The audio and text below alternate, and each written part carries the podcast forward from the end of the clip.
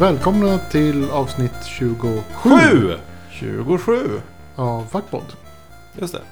Som Det- tillverkas av eh, mig, Anders och... Jag heter ju Magnus. Just det, Och jag heter Ivan. stämmer. Ja, Coolt. Coolt. Det är Alla alla- har ansiktsbehåring. Ja, just Jag det. måste klippa ner mig. Det känns som att du växlar Magnus hår. Eh, nu har du mustasch. Nu har jag mustasch. Hade inte du inte mustasch förra gången? Ett tag hade jag inte mustasch. Just det. Ett tag hade jag skägg och Ja, mustasch. just det. Nu har jag bara mustasch. Ett himla... Det är svårt att hålla reda på. Ja, men det gick ju till så här, det, jag skulle ju på maskerad i oktober. Just det.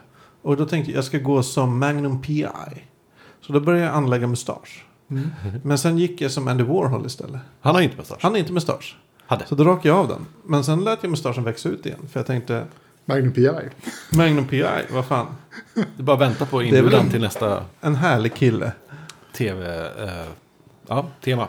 Men jag är, jag är väldigt missnöjd med all min ansiktsbehåring om jag ska vara ärlig. Va? Jag tycker, ja, men min mustasch den har så här glesa patches och Ja. min skäggväxt, det, det växer ingenting längs så här mungiporna. Men det är ju jättevanligt. Jag har inte heller det. Men du, du kan ju få så att det växer ner i alla fall. Ja, men det är bara att spara lite. Nej, men det gör ju inte det på mig. Ja, men, alltså, men det har växt till sig. eh, För att jag hade jätteproblem med det också. Jag hade ingen växt på sidan av Ja, mungiporna. jag hade också det problemet. Fast Ja. det, då kör man en comb-over. Men jag har ju låter- gått i månader. Mun. Nej, man, man kör en comb-over. Låter, låter, låter mungips... Eh, mustaschen växa lite längre så att den täcker över. Ja. Men det, den blir aldrig så lång. Ansiktsbehåring, det är en hel grej. Jag tycker du ska spara ut liksom, så att du får så här jättelånga Fu Manchu. Fu Manchu eh, Ja. mustasch. Kanske. Ja. ja, jag är nöjd med mitt. Eh, jag kommer nog inte raka av mig i första taget. Jag testade några gånger och eh, raka mig slät. Och eh, världens misstag. Det, jag känner mig jätte svullen och liksom eh, väldigt Ja, man, man, är väldigt, ful. man har ju ett väldigt ginplufsigt ansikte om man rakar av sig all ansiktsbehåring. Ja. Man ser lite som Chris O'Neill, alltså prinsessan Madeleines eh, Mm. man. Han, han skulle ha skägg. Han borde han ha skägg. borde ha skägg. Han, han ser ju ut, han ser ut som han har, varje bild man ser på honom så ser han ut som han just har vaknat och är asbakis. Varenda bild. Det finns, det finns en hel sån här Tumblr som går ut på typ så här better with beard. Ja. Jaha. När de har in- photoshopat på skägg då? Nej, de har Nej. tagit bilder på kändisar med och utan skägg. Alltså när de har Ja, skägg ja, och när de inte har skägg. Jämför. Och jämfört. Ja, men, Ja. eh, prinsessan Madeleine, om du lyssnar på det här. Se till att din man eh, skaffar skägg. Jag tror all, hela svenska nationen skulle tacka dig. Ja, alltså inte minst för han skulle få lite cred tror jag. Men skägg har ju, Shit, helt, en skägg har ju en helt annan betydelse i USA. Vad Det är, liksom, det? det, är så slus, det är sluskigt med skägg. Men är inte det bara en modegrej? Nej, det är, det är tydligen Men vad betyder, allmänt. vad betyder det att så många kändisar där har mustasch och grejer? Typ, Ja, men det, eh, det är annorlunda. Johnny Depp har mustasch. Alltså det är så här, när man har skägg så är man, så är man sluskig. Då är man liksom... Så det där, när kändisarna liksom tas bilder med skägg. Mm. Så är det liksom aldrig på röda mattan. så Keanu. Reeves har ju haft skägg. Ja, fast då, Ja, men det är mellantagningar, alltså det är Mellantag- mellan filmer och sådär. När han liksom så softar. Sad Keanu. Alltså det är ingen som... Ja, Sad Keanu. Jävlar vad han kan se ledsen ut. Ja, Han sitter på en parkbänk och äter någon macka och ser ut som favorit livet har eh, dött. meme. Ja. Ja. Om, man, om man ändå kunde ta den känslan till bion. Kanalisera din, din smärta och, Mm, ur livet. Keanu. de en Bill Ted-film på gång? Jo! Till va? Det är en det. ny? Ja. Har ingen relation till Bill and Ted. Nej, inte jag heller. Jag har faktiskt. sett dem och det... Ja, I don't know. Nej, kul ändå att de inte glömmer sitt Ja. förflutna kanske. Jag vet inte. Nej men Bill and Ted känns ju också som en sån här franchise som bara finns till för att folk ska röka gräs. Jag framför. såg, eh, Men det Alex, finns ju ett helt gäng gräsrökarfilmer. Ja, ja. Ja, Otroligt för många. jag såg eh, Alex Winter då som är... Är det Bill eller är det Ted? Jag vet verkligen inte. Någon, den andra av dem. Ehm, Han gör ju film. Han gjorde en dokumentär som hette Downloaded. Som jag tycker att folk ska se faktiskt. För att den ehm, handlar om eh, Napsters uppgång och fall. Och eh, hela den re- revolutionen. Det är superintressant. För att de, det, han intervjuar liksom de som satt, de högsta hönsen på skivbolagen som satt eh, och, och liksom, han, när de berättar om mötet de hade. Där de bara satt och skrattade åt det här nya. Vad är det här för något? Det, det här kommer jag aldrig så. Och så var det någon som bara på det mötet som, som eh, bad någon säga en låt. Och så laddade han, han hem den och eh, deras miner när de insåg Det, det mötet berättas det om, alltså sådana grejer. Uh, downloaded, serien, sjukt bra. Finns på, nej jag vet inte, internet. Och det, på det här mötet gissar man, där togs alla fel beslut. Japp, Ja. vi, vi, måste, vi måste stoppa dem. Ja. Inte, De borde ja. säga, vi köper det här. Vilket är den kanske naturliga reaktionen i en sån situation. Ja, ja, om man har Det här måste stoppas. pengar För det, var här, det här var, internet fanns knappt, alltså ja, inte på det sättet vi har idag. Och det var, det, ja man kunde typ stoppa dem då. Nästan. Nästan. Eller ja, det gick ju till slut. Efter många år med... med Men då var det för sent. eh, Kommer du det ihåg när alla, alla Metallica-låtar fann... Eller de fick inte vara på Spot, eller på Napster. Men de fanns fast det var rövarspråket på alla titlar. Och Det så. här kommer inte ihåg. Ja, det var- Det är också kul när, Det när de, de, det är massor med filmat material från den tiden också. När, när eh, någon från Metallica står utanför Napsters kontor och liksom eh, håller brandtal. Det är ja. fantastiskt ja, men det är han, eh, vad heter han? Trummisen. Ja. Eh, Lars Ulrik. Ja. Nej, men jag ska, jag, ärligt talat ska jag säga så. Innan Napster hade jag inget musikintresse alls. Ja. Jag, jag var ju helt inne i mina fantasyböcker och rollspel och grejer. Mm. Jag lyssnade inte på musik. Men kollar du inte på MTV? Jo, jag hade det kanske i bakgrunden. Men jag brydde mig inte om vad som var på det. Och jag kollade inte på det själv. När jag var hemma. Okej. Utan det var kanske om jag var hos en kompis. Mm. så. Musik var inte ett intresse alls för mig. Det existerade knappt i mitt liv. Mm. Eh, men när Napster kom, då började jag bli intresserad av musik. För då kunde man, det var så lätt att testa Mm. och lyssna. Åh, gillar jag det här? Gillar jag det där? Nej. Ja, det var, det var, det var en... Jag är glad att jag, varit med, att jag, att jag var med om den Mm. revolutionen ändå. På någon slags vuxen ålder. Eh, för innan den så... Man kunde ladda ner plattor via nätet. Men då var man tvungen att hitta mp3 som låg på någon sajt. Mm. Som bokstavligt taget tog kanske en och en halv timme att få ner en platta. Oh ja. Men då var den plattan så jävla värd. För att det fanns inte att man kunde ladda ner musik. Så den, den mus- musiken lyssnade man ju på som om det var det bästa man hört. Mm. Ja, jag, jag kommer ihåg att jag laddade ner av någon anledning Smashing Pumpkins platta Adore. Mm. Från, Den är jättebra. ja det, jag gillar den. Eh, men jag, uh, Smashing Pumpkins konnässörer tycker den är den sämsta har jag förstått. Min första platta jag laddade ner var en jap- japansk pop eh, tjejgrupp som J-pop som eh, hette Max. Musical Active Experience. Väldigt bra. Fan vad coolt. Bland de bästa plattorna jag har hört. På riktigt. Ja, har du den kvar? Ja, jag bränd förstås. Finns den på Spotify? Nej. Det finns väldigt lite japansk eh, musik på Spotify. Det är tråkigt. De får fixa det. Mm. Japanskt Jag, jag, alltså. jag har inget minne av vad det var först jag laddade ner. Men jag, jag är ju på jättemycket med musik under, under gymnasiet. Jag, ja, och fortfarande Mm. mycket musik. Alltid varit musik hemma hos mig. Alltså när jag växte upp. Folk spelat, alltså det har alltid varit någon musik på radio eller något ljud. Ja, ja. Ja, det, det värsta jag vet är ju frågan så här, vad har du för musiksmak eller vad lyssnar du på? För jag har ingen musiksmak. Nej. Alltså jag, jag lyssnar på ganska mycket musik. Men jag har ingen... Alltså det är inte en del av min identitet, Nej. musiken. Alltså Och- smaken skulle nog kanske inte säga är någon del av, av min identitet. Men däremot vet jag, alltså. Jag vill ju lyssna på mycket på musik. Och jag har ju musik som jag inte gillar. Mm. Snarare musik som jag, som jag verkligen, verkligen gillar. Alltså, Ja, men den här tron på att, att man ska ha, ja, som du säger, en identitet i sin musik. Vad lyssnar du på för slags musik? Och när man då vet att, jag- nu, nu kommer jag ju svara typ allt, och man känner sig så dum för att det är, det, det är fel svar. Det är, det är kategoriskt fel svar. Ja, att man är ju inte- på all musik. Ja. Men man gör ju inte det heller. Man Nej, men man tolererar all musik. Nästan all musik. Tolereras av Ja. mig. Alltså, det, kan vara, det kan vara den mörkaste dundermetallen. Eller är jag hos någon kompis som spelar det, fine. Jag bryr mig, jag stänger inte av. Nej, det är ju inte jag heller. Liksom. Det mesta Får jag välja? faktiskt. Ja. Får man välja själv så visst, då har jag vissa inriktningar som jag gillar. Typ. Men jag tolererar allt. mm. Men jag kan ändå avundas lite människor som är så här. Ja, jag, jag, är- det är hiphop här. Eller jag, jag, det är Morrissey. Eller, ja men ni vet. Att det finns ju, väl, speciellt i vår generation. Mm. Så tycks ju musik ha varit en, alltså det har varit identitetsbyggaren. Mm. Alltså nästan framför alla andra kulturyttringar. Mm. Man, man blev det man lyssnade på. Men det var ju, man, man definierades av det i gymnasiet på något sätt. vilken musik eh, man lyssnade på gav ju en liksom en identitet och gav så här, upphov till vilka kläder man hade på sig och så vidare. Och så vidare. Inte jag.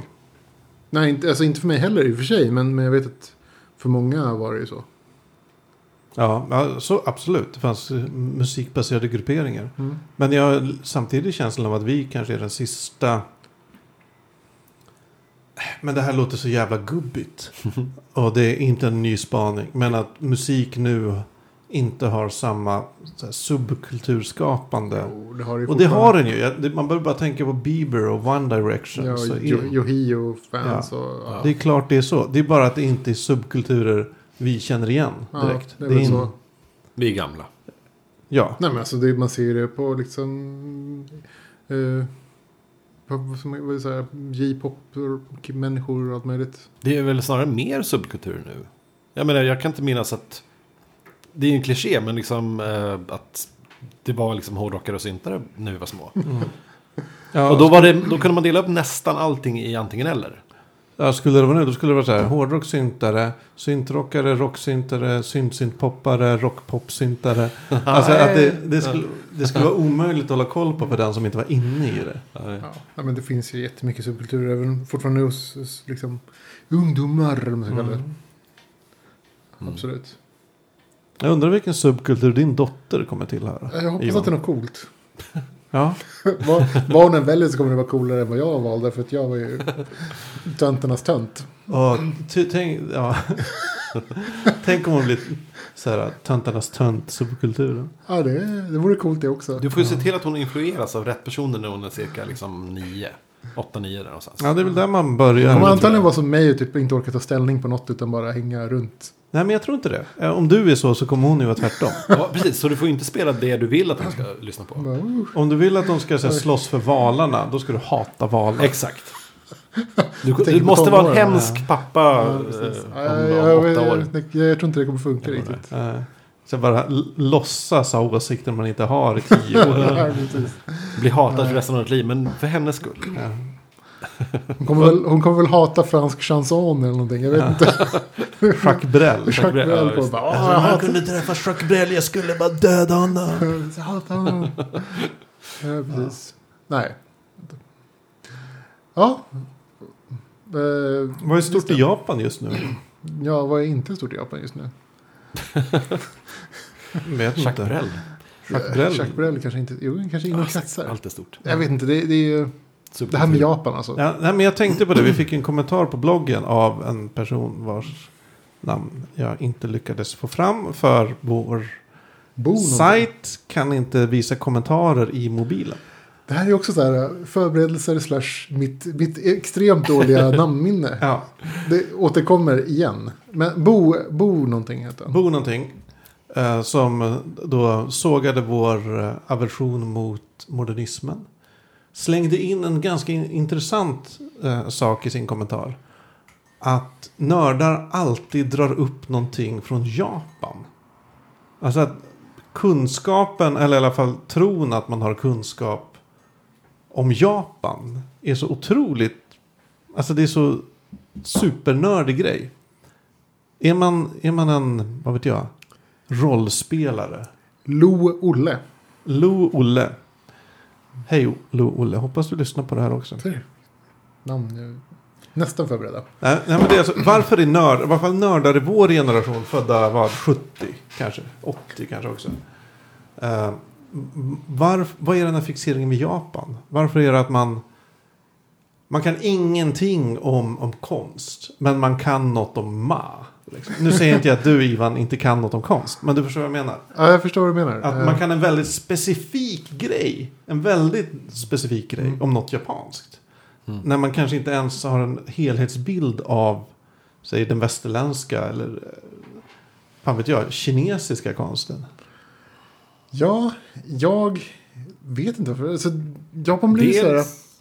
Eller tar det du? Nej men alltså jag tänker på mot, kinesiska konsten. Så det, Kina har ju liksom fått leva sitt liv och utveckla sin egen grej under så många år. Tusentals år. Så det är ju så himla annorlunda mot oss att vi inte kan riktigt ta till oss den. De har inte så, det, dessutom är det ett ganska stängt land som inte kanske Men kommunicera så mycket ja. utåt. Japan, Och det var framförallt det när vi var i tonåren. Så att Mm. säga. Då Ja, var ju verkligen. Kina inte...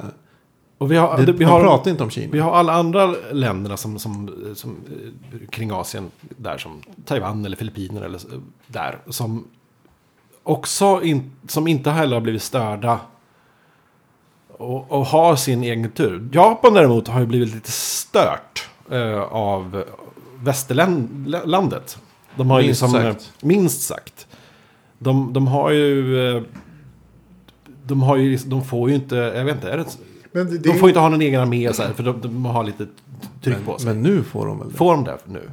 Ja, det vet Jag vet inte vad grejen alltså, är. jag tänker mig, det, det var ju någonting som hände på, i början på 1900-talet. Alltså innan dess.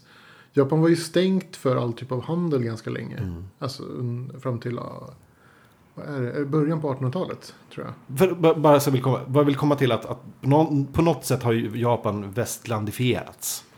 På Jo. ett sätt som, som har blivit lätt för oss att ta, ta till oss. Ja, Det- det, det är har absolut varit i västerlandets öga. Ja, Mm. Eh, sen andra världskriget i alla fall. så mycket av japanska kulturen går att typ översätta. Det är en skruvad version av någonting vi känner till. Ja. Typ. Alltså, men om man kollar på historisk japansk kultur så är också den liksom, har blivit en så här intressant grej för många nördar. Samurajer. Samurajer och ninjor liksom. Och det finns ju motsvarigheter finns ju liksom överallt. Det finns ju motsvarigheten i typ, alltså typ i Mellanöstern liksom med assassiner och och eh, vad heter de? Eh, Sådana här svärds... Ja. Jo men det Men det- assass- assassiner, vad de...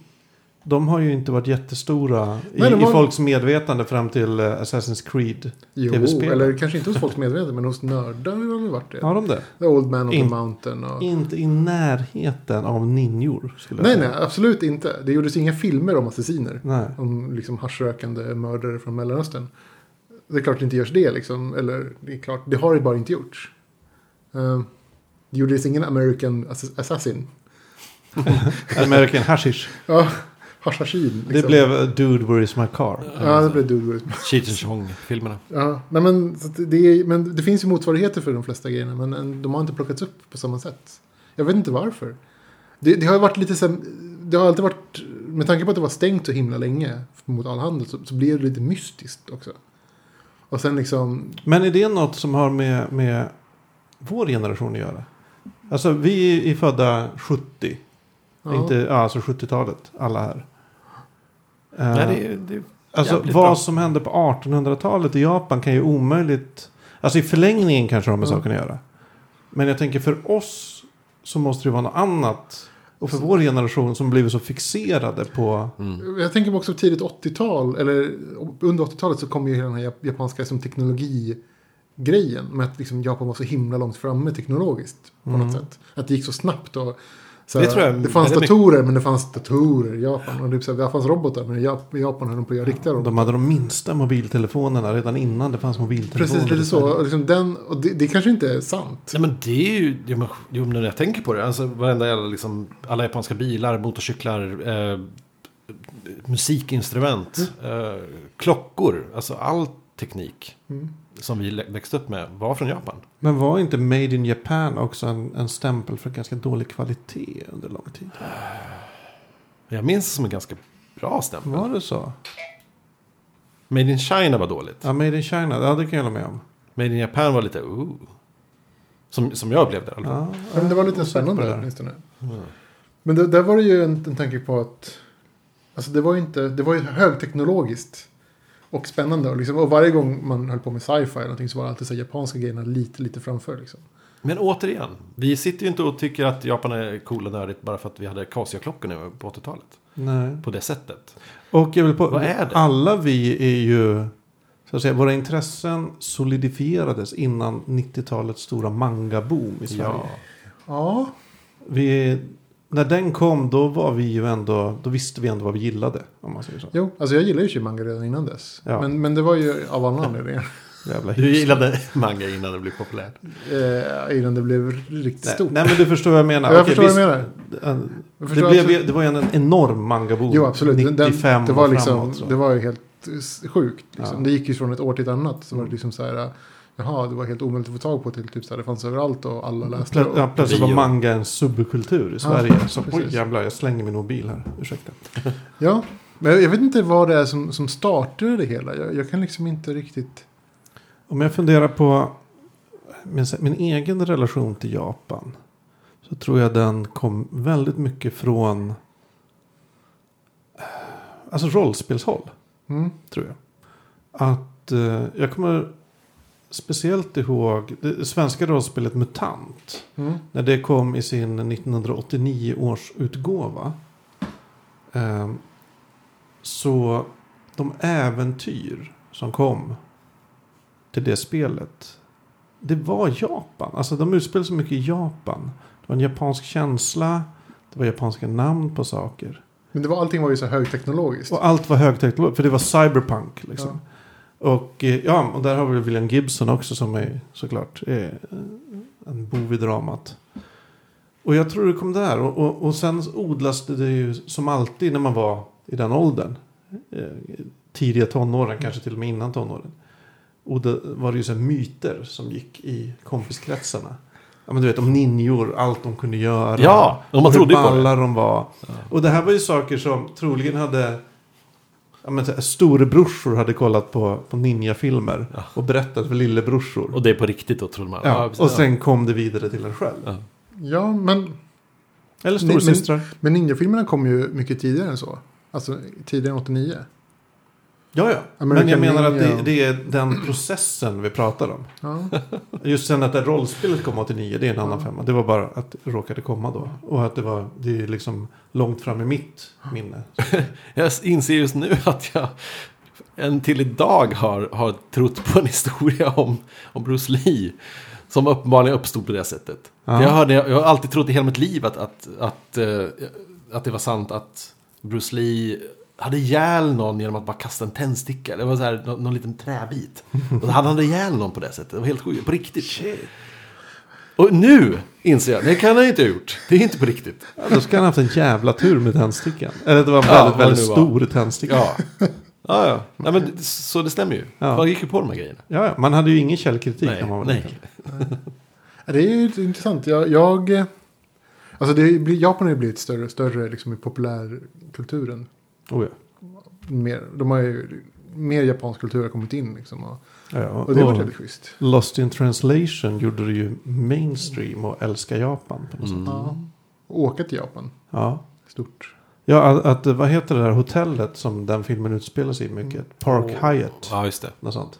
Att, eh, Det händer att jag surfar in där och kollar på rummen och priserna. nej, men att det har blivit en, en, liksom en turistattraktion. Ja, bara ja. tack vare den filmen Ja, nästan. den, här, den här whiskyn, Santori, Ja. Ja, har ju också blivit liksom stort. På grund av filmen. Men det är inte svaret ändå. För att den filmen kom ja, den kom långt senare. långt senare. Det De här fan- ninja-filmerna som kom. American Ninja och allt det där. Hur såg ni dem? Nej. Jag såg den första, den var fantastiskt dålig. Alltså, alltså riktigt, riktigt dålig. Och när så, hur gammal var den när du såg den? Jag såg den på 90-talet. Mm. Så det, I det var liksom, tonåren? Ja. Så det var liksom efter det där. Alltså efter att liksom Japanintresset hade på något sätt kommit. Mm. Utan en av de första grejerna som jag kan minnas är väl jag vet inte, kan det ha varit rollspelet eh, Samurai? När kom det? Mm. Ehm, um, 80 sex kanske. Ja. Eh, däromkring, jag drar, ja. gissar det. Ungefär då så läste jag också Teenage Mutant Ninja Turtles. Den första, alltså den serietidningen. Då läste den på engelska? Jag läste den på engelska. För den, den svartvita serietidningen som var jävligt mörk. Och, ja. mm. När kom den tecknade serien till Sverige? Eh, alltså animerade som gick på trean. Det är någonting. 89 kom Så tidigt? 88 kanske. Jag kommer ihåg, jag har ett minne av att jag, 88, 87 kanske någonstans där. Jag minns att den kom när jag var lite för, för gammal för att ta till mig en Mm. ny Samma här. eh, toy line. Mm. Liksom. Och jag minns också att den eh, fick he- heta Teenage Mutant Ninja Turtles i något år. Tills den bytte namn Till Hero Turtles. till Hero Turtles. För att, vad jag förstår, att det var för farligt med ninjor. Mm. Men Det var, ihåg det var att- så här sista skriet av, av DDR-Sverige. Liksom, det var, Snackar, Ett vi, ord var snackar, vi farligt. snackade om att så här, göra egna kaststjärnor när jag var liten. Men då var jag kanske 10. Det här var ju 80, 86. När jag gick i mellanstadiet gjorde ju folk egna kaststjärnor på I träslöjd. slöjden ja. Ja. Med sk- Eller i metallskäraren. Det var så början av 90-talet. Ja. Men man gjorde inte dem för att man var influerad av Japan. Det var ju bara för att man influerad av våldsfilmer kanske. ja, men ninjor liksom. Ja. Men det, det kommer ju Ja. därifrån.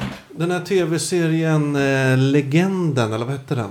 Nej, inte Legenden. Han, eh, oh, han som dog i någon här strypsex onani-grej i David. Carradine. Ja, han, han Ja, vad heter den? Le- Legend någonting hette den. Hette wow, den att man så? glömmer så så fort. Walks Eh, the land. Ja men där, han var ju Ja. typ en sån ninja-mästare. Nej, han var ju karate liksom. Ja, fast det var någon slags kampsport i och för sig. Men han hade, det, det förekom ninjor och kaststjärnor i det hela. men, Ja, det kanske det gjorde. Det var ju det var någon slags... Eh, var det Eh, historiskt väst- korrekt, den serien? Jag tror det var ju någon slags western te, alltså, grej, tema på, på den serien. Mm. Men alltså, hade han inte han en... Shit, vi bara sitter och spekulerar om en Men det är det, jag, jag hoppas det Den har jag ju de som sett. lyssnar tycker är jätteroligt. Ja. Den har jag ju sett väldigt mycket av. Men han hade väl en lärjunge också? Eller var det en annan serie? Grasshopper. Det Grasshopper. var han som var Grasshopper. Som, Ja, men- som någon kommentar till vår podd sagt att det är som att sitta med er vid köksbordet. Vi sitter vid köksbordet. Ja, för att vi, det är, Lyssna på oss. Så, det, vi, har, in- vi har inte så mycket fakta. nej, så här är det även när vi inte spelar in. Ja. Det är mycket giss... Man kan säga att, att vi killgissar väldigt mycket. Killgissar. Ja. det är ett Mm. bra ord. Att man... eh, Ja men det vet som killar gör. De, de chansar och säger någonting Och låter säker. Ja. Men om man blir eh, liksom synad på det. Då, Ja, ja, men det var ju 8 millimeter. Ja, ja, jag är inte Nära nog. Ja. Ja, jag, vet inte, jag, jag, jag kommer faktiskt inte riktigt på hur, hur... Jag kan inte liksom sätta fingret på exakt när och hur det började. Jag tror det var att... Jag tror ärligt talat att man fick det berättat för sig från början. Mm. Och jag hade ju ingen stor, inga storebrorsor som jag... Eller jag har en, en storebror, men han har jag aldrig bott med. Mm. Eh, så jag tror det var via... Fick det destillerat via kompisar från deras storebrorsor. Mm. Om, jag ska, om jag ska dra en tanke här då. Det här är inte... inte men om jag tänker mig liksom den kulturvandringen som måste ske liksom från, från Japan hela vägen till Sverige. Mm. Eh, så kan jag tänka mig att den skedde via USA. Om Amerika, säg att USA hade liksom en, en ganska nära relation till Japan efter kriget med Mm. tanke på att man hade armé- armébaser där. De tar med sig de kulturyttringarna tillbaka till USA. Eh, där det skapas en populärkultur som sen importeras till Sverige. Så tror jag. Det känns ju inte alls liksom otroligt. att- Nej, nej, att det fanns ju ingen Sverige-Japan-grej på... Det var ingen som direkt översattes från japanska. nej utan det, det måste ju ha kommit via USA. Att, att, att, att, att den japanska kulturen exporteras till USA känns ju inte alls särskilt konstigt med tanke på att det fanns så väldigt många militärer och så folk som, Mm. som liksom... Men det, Och att det fanns en stor eh, population av japaner i USA också. Mm. Mm. Så det känns ju inte alls liksom konstigt på något sätt. Och sen att, att, den, att den skickas tillbaka till Sverige, absolut. Det stämmer säkert helt, men, men å andra sidan. Det är ju, det är ju kanske, pratar vi nu om, 60-talet? 70, alltså det, det är ju också för länge sedan. 56. Om man pratar om en sån måste rörelse. Alltså liksom. första är liksom Ast- Astro Boy är väl den första jag kommer på som jag såg. Ja, ja, Men man måste nog tänka också att sånt här, på den tiden i alla fall, det tog ju ett tag. Mm. Nu kan ju ett fenomen explodera över internet på en dag. Ja. Men, men på den tiden var det ju verkligen att okej, ett förlag skulle bestämma att ge ut den här översättningen. Ett tv-bolag skulle bestämma att, ge. Att liksom importera den här tv-serien. Mm. Man läste i någon eh, filmtidning att någon film skulle göras och, så, och sen kom den till Sverige tre år senare. För att den, Ja. Ett år efter USA-premiären förstås. Ja, a- att det liksom var, det var så oerhört mycket långsammare s- kulturspridning. Ja. På ett sätt som idag känns helt främmande. Jag kommer ihåg när filmerna bara började gå upp på bio samma vecka som de hade världspremiär i Sverige. Mm. Och att det var så här, shit, Ja, wow, var vilken grej. Tidigare, var, ja som du sa, det var, kunde gå ett år. Mm. Jag försöker bara, försöker bara minnas mitt första, när mitt intresse för, för Japan kanske startade. Och det, det var nog först när jag flyttade till, Stockholm 97. Ehm, och ja, det, jag kan faktiskt inte riktigt komma på varför jag tyckte det var så... Men som sagt, den här som vi pratade om tidigare, att den här första plattan jag laddade ner eh, var en J-pop-skiva. Eh, varför hade jag det intresset att ladda ner den då? Eh, För jag har en jag teori. vet inte. Under i alla fall det sena 90-talet var det lite kreddigt i nördkretsar att kunna eller och liksom vara intresserad av Japan, japansk kultur. Okej, Ja. Jag tror faktiskt att det var så att man skulle lyssna på lite J-pop. Man, man skulle eh, kanske försöka få tag på den här sista anime-serien. Jag måste gräva i det här. Min, min uh, kompis Magnus borde jag nog fråga om det här. För vi var på samma Japan-nivå då. Mm. Vi läste japanska ihop och sånt. Jag minns när jag började kolla på anime, det var kanske 90, ja men 97, säg 97. Eh, Mm. Då, då var det ju lite för att jag upptäckte att oj, här finns en enorm mängd liksom så här fantasy tecknade serier. Och science fiction och, och liksom alla möjliga konstiga genrer som jag inte ens visste existerade. Att det var lite det som drog in mig. Ehm, sen Mm. visade det sig att det mesta av det var skit. Men det fanns ju ändå en, en del guldkorn som man hittade som var, var coola. Liksom, Ja. som man gillade.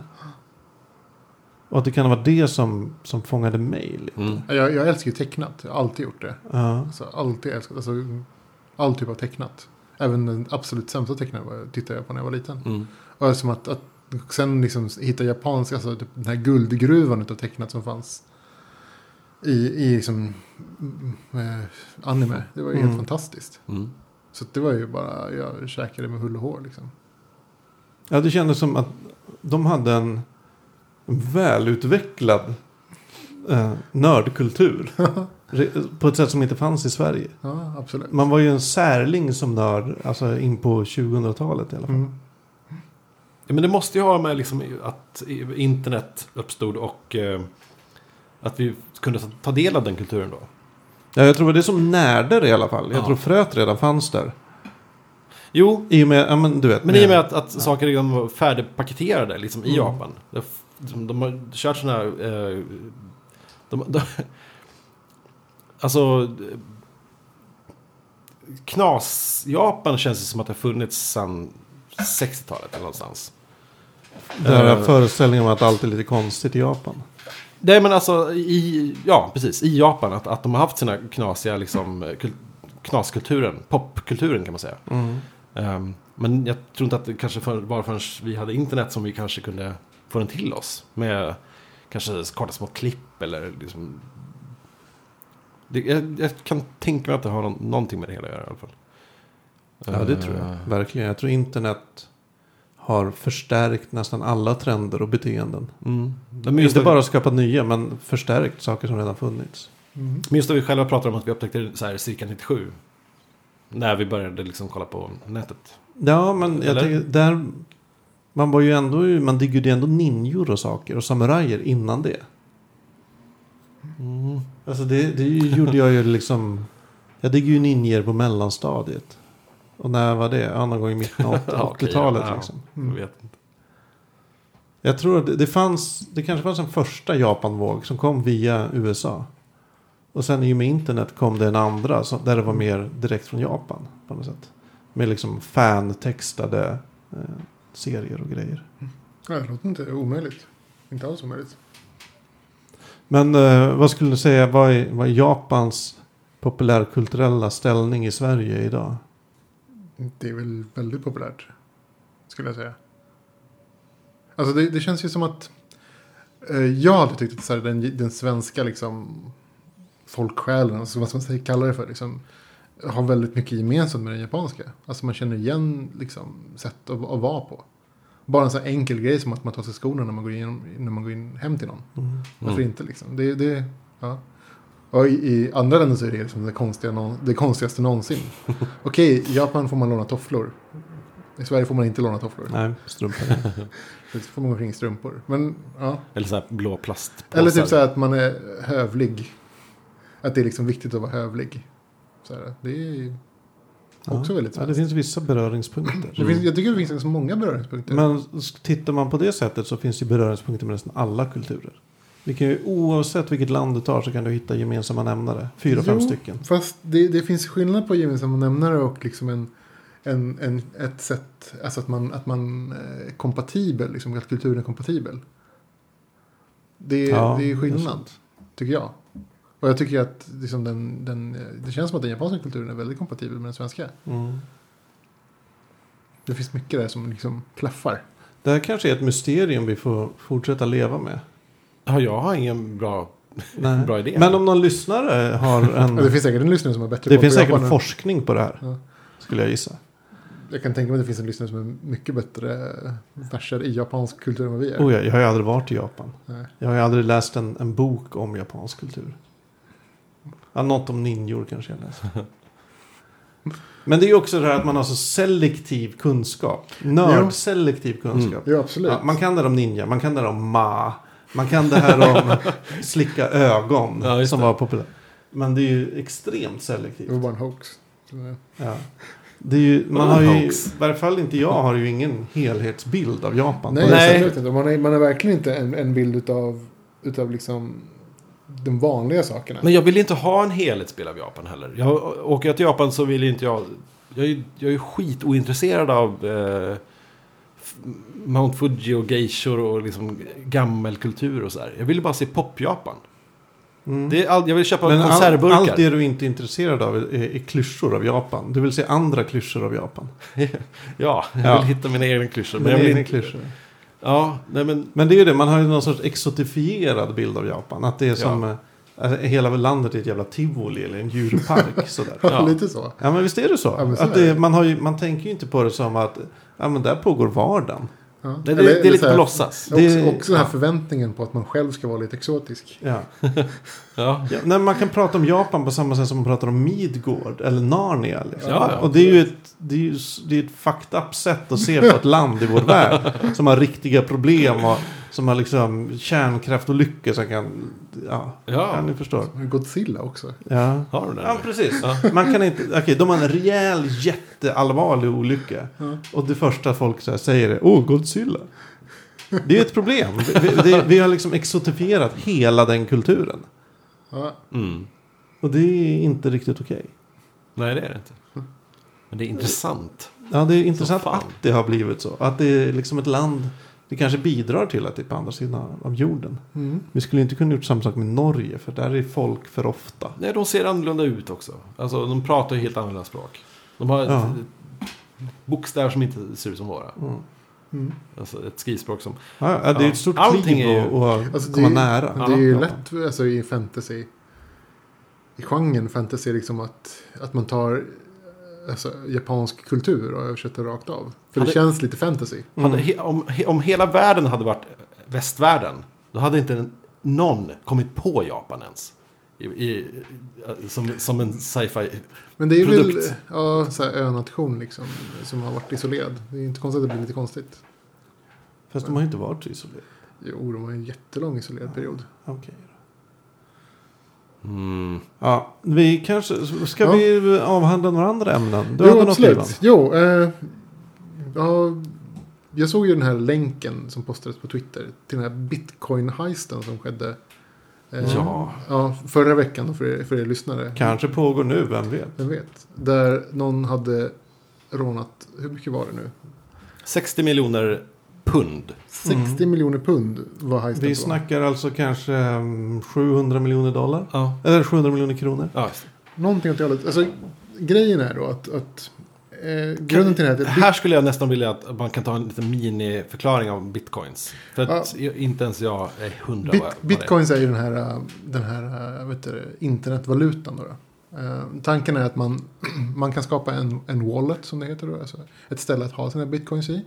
Eh, Alltså en digital en grej digital valuta. Då, på sin Eh, dator. Precis, på sin dator. Eller Hur köper jag bitcoins? Man köper av andra personer. Det finns en viss begränsad mängd bitcoins i världen. Mm. Alla transaktioner, alltså grejen att varför det här funkar överhuvudtaget, det är för att alla transaktioner som sker med bitcoins är öppna. Kan jag köpa dem via Swedbank? Nej, alltså, den, den du köper av måste ju ha bitcoins. Alltså problemet är banker. Bankerna är ju liv, livrädda för det här. Mm. För det är ju den första valutan. valutan. Ja, men valutan som inte ens är in- valuta. eh, Nej men den är inte knuten till en riksbank eller ett, en nation.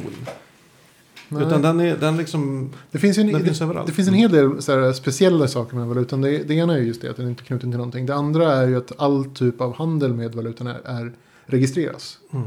Vilket inte all typ av handel görs liksom vanligtvis. Och att nya bitcoins bryts fram med en plågsamt långsam takt. Precis. Det är så, alltså jag data, dataprocesser Ja, som... Ja, men typ på samma sätt som man kan använda det här SETI för att spana efter Just aliens. Kan man sätta sin dator och tugga efter bitcoins. Förstår efter det rätt. bitcoins åt mig. Ja, Eh, om jag förstår det rätt. Eh, nu finns det ju en begränsad mängd bitcoin vilket gör att de har ju en, en, en koppling till reell valuta.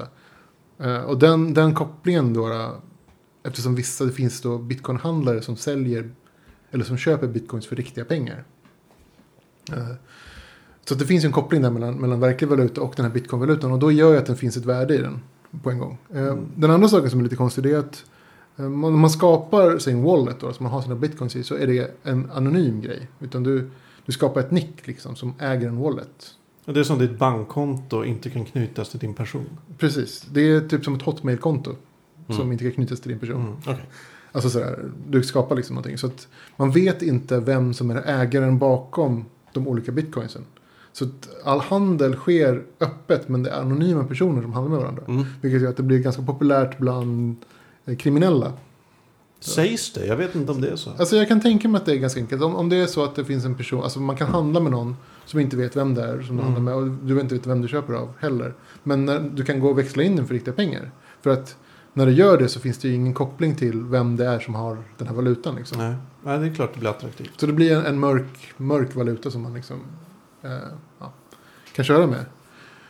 Eh, då, det som har hänt då är att någon, det finns en sajt som heter, som hette, det, finns, det fanns en gammal sajt som hette Silk Road. Mm. Som stängdes, som var en sajt där man, det krävdes liksom ett, spe, här speciallogin och så kom man in till den hemliga sajten. Och I den hemliga sajten kunde man köpa typ vapen, mördare, typ knark. Alltså det var liksom, Mm. man kunde köpa olagliga saker. Och De stängde ner ganska nyligen och istället så öppnade de någonting som kallas för... Kände inte till det. Nej, nej, det- Ja, jag kände till den först när den stängdes. Så ajour är jag. Wow. Ja, Ja. eh, efter det så öppnades ett nytt ställe som heter Cheap Marketplace då, då, som, som har tagit över från där. Eh, det låter lite konstigt. Ja, vad är det som låter? Jag stänger dörren. Eh, ja, det här Cheap Marketplace använder man bitcoins för att handla med varandra, köpa knark och vapen och lönnmördare och allt vad man nu ville köpa. Jag behöver en olagligt. Eh, men vad någon hade lyckats göra då, det är att de eh, fejkade att du hade kvar dina bitcoins på den här sajten medan de snodde bitcoinsen. Mm. Liksom, och tömde liksom ditt konto. De bitcoins. hackade sajten på De något hackade jävla sätt. sajten på något sätt. Och det som snoddes var 96 000 bitcoins då. Eh, som då motsvarar eh, 60 miljoner 60 pund. miljoner pund. En bitcoin är värd ganska mycket just nu. Mm. Ja, Men å andra sidan har ju den en, en... Det kan dyka och stiga. ja den är, det är Väldigt, väldigt vild snabbt. Den har ju tiodubblat sitt värde varje år. Ja. Alltså, sen den kom. Men har den sjunkit någonsin någon gång? Nej. men den- ibland störtar den ju. Den har ju störtat ett par gånger fullständigt. också. Men alltså i längden så har det varit en, en hyggligt bra investering. Ja. Jag läste om den här killen i England tror jag det var som, som ehm, hade köpt 7 500 stycken bitcoins. eh, back in the days när den var ny. För att det var en kul grej. Eh, sparat filen på en hårddisk. Eh, åren gick och han slängde sina gamla hårddiskar bara. Insåg lite problemet sen när han kom på att vänta nu här bitcoins. Jag hade ju en fil eh, på en hårddisk som jag har slängt. Och eh, de var värda 52 miljoner eh, kronor. Mm. Men det är ju samma problem med riktiga pengar. Om du slänger dina gamla plånböcker utan att kolla vad du har på i Jo, dem. men det är så väldigt mer flyktigt med en fil Ja. på några kilobyte. Att den överhuvudtaget liksom... Alltså, alltså, anledningen till att det funkar är för att alla, alla transaktioner registreras och alla bitcoins har unika ID och så vidare. Och så vidare. Eh, Men vad jag förstår om den här heisten, eller Mm. kuppen. Ja, det är ju att de... de har ju väldigt mycket pengar. De har ju snott de här pengarna. Det finns, så det finns en person då, vad de tror är en person som har, som har gjort det här. Och problemet är nu alltså att de måste s- få pengarna till... Alltså växla in dem till dollar eller något. Ja, men det- Utan att det kan spåras. Ja, men det kan man göra i små, små omgångar. Men problemet är att när man växlar in pengarna till riktiga pengar, när man köper, alltså när man säljer sin valuta för riktiga pengar, så, måste man, så kräver alla sajter att man ska identifiera sig Mm. liksom, fysiskt. Så då är alla ju på, så här, på hugget på att någon ska liksom växla in en hög, med jättestor hög med För pengar. vet, Mm. kan man veta att just den här bitcoinen kommer från den här heisten? Eh, Om det finns en lista på vad, vilka mynt som har snotts? Nej, säga. så listan finns ju inte på vilka mynt som har snotts, men vilka transaktioner som har gjorts med mynten och så vidare. Och så vidare. Men det, det är ju väldigt jobbigt eftersom allting sker i datorhastighet. Mm. Så kan man göra väldigt, väldigt, väldigt långa transaktioner mellan personer. Eh, innan Mm. liksom. För så, så att, liksom, att bara spåra det här tar ju längre tid än vad, än vad det tar. Liksom, att man, man, ligger, man de kan ligga lite steget före. Så det som har hänt då är så att folk har försökt spåra de här då. Eh, vem det var som har gjort och vad, var hur har gjort det. Och det finns ju sajter då som är dedikerade för att tvätta bitcoins. Och det är det som kallas för tumbling då. då. Och vad man gör är att man har ett gäng wallets kopplade till en, till en Tumblr. Alltså, en, alltså Tumblr-bloggen eh, liksom. Man har ett gäng wallets kopplat till den. Där ett, det är ganska mycket folk liksom, som, som vill ha sina pengar tvättade har ett, ett par wallets. Liksom. Mm. Man vet inte vilka det är. Och det är det som är grejen. Så en person kan ha många wallets. Och sen så, sen så kastar man in högen pengar i det här. Och så splittras den upp bland alla personer. Och sen så eh, splittas de upp bland alla personer. Och sen så blandar man liksom varandras pengar. Eh, I datorhastighet. Så många gånger man bara kan. Innan man liksom drar tillbaka sina pengar. Då vet man inte vems pengar som har dragits vart. Eftersom, eftersom alla wallets är anonyma. Så det behöver inte vara den fysiska personen som just vid tillfället äger den här, den här eh, virtuella walleten och så vidare. Så det blir liksom så här jättejobbigt att härva ut det här nystanet. Och då kan man liksom så här sakta men säkert liksom ta ut sina pengar ur det här. Genom Mm. att man liksom plockar lite, lite, lite i taget. Till Det är olika ställen. jä- Okej, visst det är mycket pengar det handlar om. Men det är ett jävla projekt att, att kunna göra något för dem sen. Ja, ja. Jo, Men det är väl troligen inte mer komplicerat än, eller mer jobbigare än om man lånar en värdetransport och har några mille där som är märkta. Liksom. Ja, precis. Hur får man ut dem och så vidare. Men även vanliga alltså, sedlar är ju märkta. De har ju ett unikt ID. Mm. Sådär. Men Ja, det är men det, det är att... jävligt Ja, det fascinerande läsa. det här. Alltså det känns ju väldigt mycket framtiden. Ja. Det känns ju helt sjukt mycket framtiden. Ja, nu är det ju så här, alltså det är en person som har snott så sjukt mycket pengar från typ ett gäng kriminella. Och de Ja, tror liksom- ju att det är ägaren till den här Ja, sajten. det är en av huvudmisstänkta såklart Mm. eftersom, eftersom hacket var så himla avancerat. Mm. Alltså det, man ska först komma åt sajten så ska man liksom lura de olika användarna att de fortfarande har kvar sina pengar samtidigt som man snor pengarna. Det känns Mm. som att någon måste ha varit inblandad. Ja, det är något insider där. Det, Ja, ett Eller insiderjobb på något bra sätt. Och liksom vad fan, 80-90% av alla hacks är ju insiderjobb. Mm. Å ena sidan skulle jag vilja att det här skulle bli en eh, film. Å andra sidan skulle det vara helt omöjligt att förklara det här i en film. Alltså, konst- dramatiken har, har liksom som en filmupplägg. Men liksom, det går inte att berätta det här visuellt. Konsekvenserna av det kanske. Ja, den konsekvenserna. i världen. Ja. Maffian börjar jaga någon och så. Ja. Det kanske skulle gå bättre att, be- att beskriva liksom med bilder. En powerpoint-presentation mitt i filmen. Vad Så här funkar det. Som i Jurassic Park när de hade, var tvungna att förklara saker. Ja, men lite så. Men det, det är ju verkligen så här sjukt framtiden. Och så här, och det går ju så jävla snabbt alltså. Eftersom man skriptar allting och allting liksom. Det är bara liksom. Men tänk, det, är, det är ju Mm. sådana transaktioner som görs alltså liksom i valutahandel och på Exakt. börsen och så. Ja. Rob, robot trading. liksom. Det är inte många procent av valutahandeln som, som görs av människor. Utan allting är ju robotar. Ja, och det är, där är det ju bråkdels av sekunder som Mm. sänker och bygger imperier. Ja, Sättet som folk har använt för att spåra den här personen då, det är att, man, att de, när man tamlar saker så skickar man ju hela, hela valutor så att säga. Man skickar liksom ja, en spänn dit och en spänn dit och en spänn fram och tillbaka. Liksom, hit och dit. Så vad, de fick ju reda på vem det var. Så skickar de liksom en av de här walletsen som de vet att liksom, den äger den här personen. Skickar de en, en specifik bråkdel. utav- 0,666. Ja, man kan ta typ 0,666 eller whatever, så så någonting man känner igen. Som bildar liksom ett bråk. Eh, Och då ser man det här bråket liksom förflyttas mellan olika wallets. Mm. Tills dess att den personen ser att liksom, åh nej, någon som är på spåren. Och liksom jämnar ut öresavrunda liksom det här för att slippa. för att komma undan. Men då ser man så här vilka wallets den här personen liksom skickar mellan. Så kan man följa så här, spåret lite grann. Så det har varit, liksom, så här, det har varit så, här, så sjukt framtiden liksom. Ja, det är jävligt det är väldigt konstigt. Ja, Men att, det är att, svårt det har att liksom, böja hjärnan runt. att det har byggts en sån, en sån apparat kring den här liksom, bitcoins-grejen för att, liksom, för att vara anonym. Anonymiseringen av det liksom, har varit. Det är ju så himla häftigt. Ja, man undrar ju Mm. framtiden hur det här ska fortsätta. Alltså, jag tänker antingen kommer det krascha fullständigt och bara försvinna. Eller så kommer det, var det, det kommer bli det här. Eller så kommer det bli två helt olika separata... eh, vi har den fysiska, eller vad vi, vad vi kallar för den fysiska, som Mm. självklart inte alls är fysisk. Och så har vi kanske någon slags virtuell ekonomi som är något helt annat. Så vanliga människor ha, kan ha sitt liv och köpa bröd eller vad det nu är för sina vanliga pengar. Men det kommer bli, ja, fan det blir skitintressant ju. Livsfarligt. Vi får se. det. Ja, det, vi kommer ju märka de närmsta tio åren kanske. Ja, Mm. Ja, det, det är ju sjukt intressant. Jag tänker bara om jag första gången jag hörde talas om bitcoin så hade jag köpt på mig ett gäng då. Ja, hade du köpt på dig 100 stycken så hade du varit, Det hade varit nice. hade du varit rik. ja. Men jag, jag var ju, första gången jag fick tal, hörde talas om det så var jag ju inne och snoka hur man gjorde. Men det var ju så sjukt komplicerat. Det var ju så outvecklat allting. Mm. Och alla guider var jättedåliga. Så jag fattade liksom inte. Jag orkade liksom inte. Nej. Hade det funnits en knapp där det stod typ så här, köp bitcoins för 10 spänn så hade jag kanske klickat. Ja. Men nu var det inte så.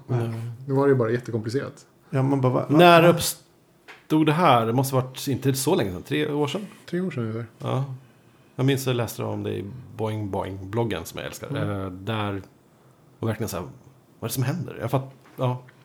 Nej, Och sen har det varit väldigt tyst om det tills ja, i princip nu. Ja, senaste året. När, ja, det var något år sedan när någon för första gången köpte ett hus eller vad det var för, Mm. för bitcoins. Mm. Nej, Hmm. märkligt. Hörrni, har vi något mer att avhandla? Jag vill rekommendera en grej lite snabbt. Vad roligt. Eh, när det här avsnittet sänds så kommer ett nytt svenskt rollspel ha varit på marknaden i kanske en vecka. Det heter Spelet om Morwale. Och är ett fantasy-rollspel baserat på Peter Bergtings romaner om landet Morwale. Ja. Och eh, eftersom det här spelas in lite tidigare än det sänds så har jag inte kunnat kolla på det här spelet än. Men på de förhandstittar och liknande jag sett så verkar det vara fett. Är det de som har någon slags event? Är det det fria ligan? Ja, fria Det är ligan. väl de som har någon slags event på SF-bokhandeln? Ja, på lördag när vi spelar in det här. Det vill säga troligen i lördags när ni hör det här. Too late. Eh, ja, det verkar härligt nybörjarrollspel. För ja, funkar om man har, barn och vill lira med eller om man vill väl känna sig lite Mm, okej. Kul. Roligt. dra ihop sitt gamla gäng igen och sådär. Mm. Verkar fett. Snyggt illustrerat, coolt, balla regler. Illustrationerna är väldigt viktiga i rollspel Ja, tycker jag. det Det, är det, det. sätter stämningen på något Mm. sätt. Och dåliga illustrationer sätter en dålig stämning. Ja, ja, men det här kan jag rekommendera. Jag är inte spelare som sagt, men allt jag sett om det är awesome. Oj, okej. Ja. Vad coolt. Jag har väl inget direkt att avråda från heller, annat än att ni kanske ska missa nästa veckas avsnitt när vi eventuellt har en gäst med oss. Oh yeah. Det är jättespännande. Tycker jag. Ja. Lite läskigt. Se vad det blir Nej. av det. Men häftigt. Ja, det blir kul. Okej. Eh, ska jag rekommendera någonting? Rekommenderar eller avråd eller gör vad du vill. Ja. Eh, titta på julkalendern. Den är bra. Fortfarande. Den här har vi Vi pratade om förra veckan. Sluta Sant. Men jag, jag rekommenderade inte den förra veckan. Nej. Nu har det gått en vecka och jag rekommenderar den fortfarande. Ja, Tror jag. Jag vet inte. Vilken lucka är bäst? Nej, Kan du säga vilka luckor jag ska undvika för att... Lucka eh, 24 är bäst. 24 är såklart bäst. Ja, Closure Oh, time. yeah. Eh, Jag kan rekommendera folk att eh, köpa julklappar redan nu. Ni vet vad som händer den, 25, den 22. Köp alla julklappar på internet. Ja, precis. Köp dem. De levererar fortfarande i tid. Vi lovar. vi garanterar Lova det. inte saker vi inte rår över. Nej, Ja, men... fan vad bra. Vi kan väl kanske avrunda här då. Och Ja, säga att eh, ni har lyssnat på det av, 27 avsnittet Ja, av eh, Fackpodden. Ehm, precis. Kill, kill, eh, vad heter det? Killgissningsavsnittet. Killgissningsavsnitt. ja. Killgissningar om Japan och om bitcoins. Ja. Ehm, jag heter Anders. Jag heter ju Magnus då, då fortfarande. Ja, Jag heter fortfarande Ivan. Ja, just det. Coolt. Bra namn. Jag gillar det. Fackpodd.se, fackpodd. At fackpodd. Ja. Mm. Och hej, och hej at fackpodd.se. Gå in på fackpodd.se, skriv vad ni tycker. Ja, Maila, kommentera. Jag, jag gillar kommentarer. Ehm, gör vad ni vill. Lev väl. Hej, hej. Hej, hej.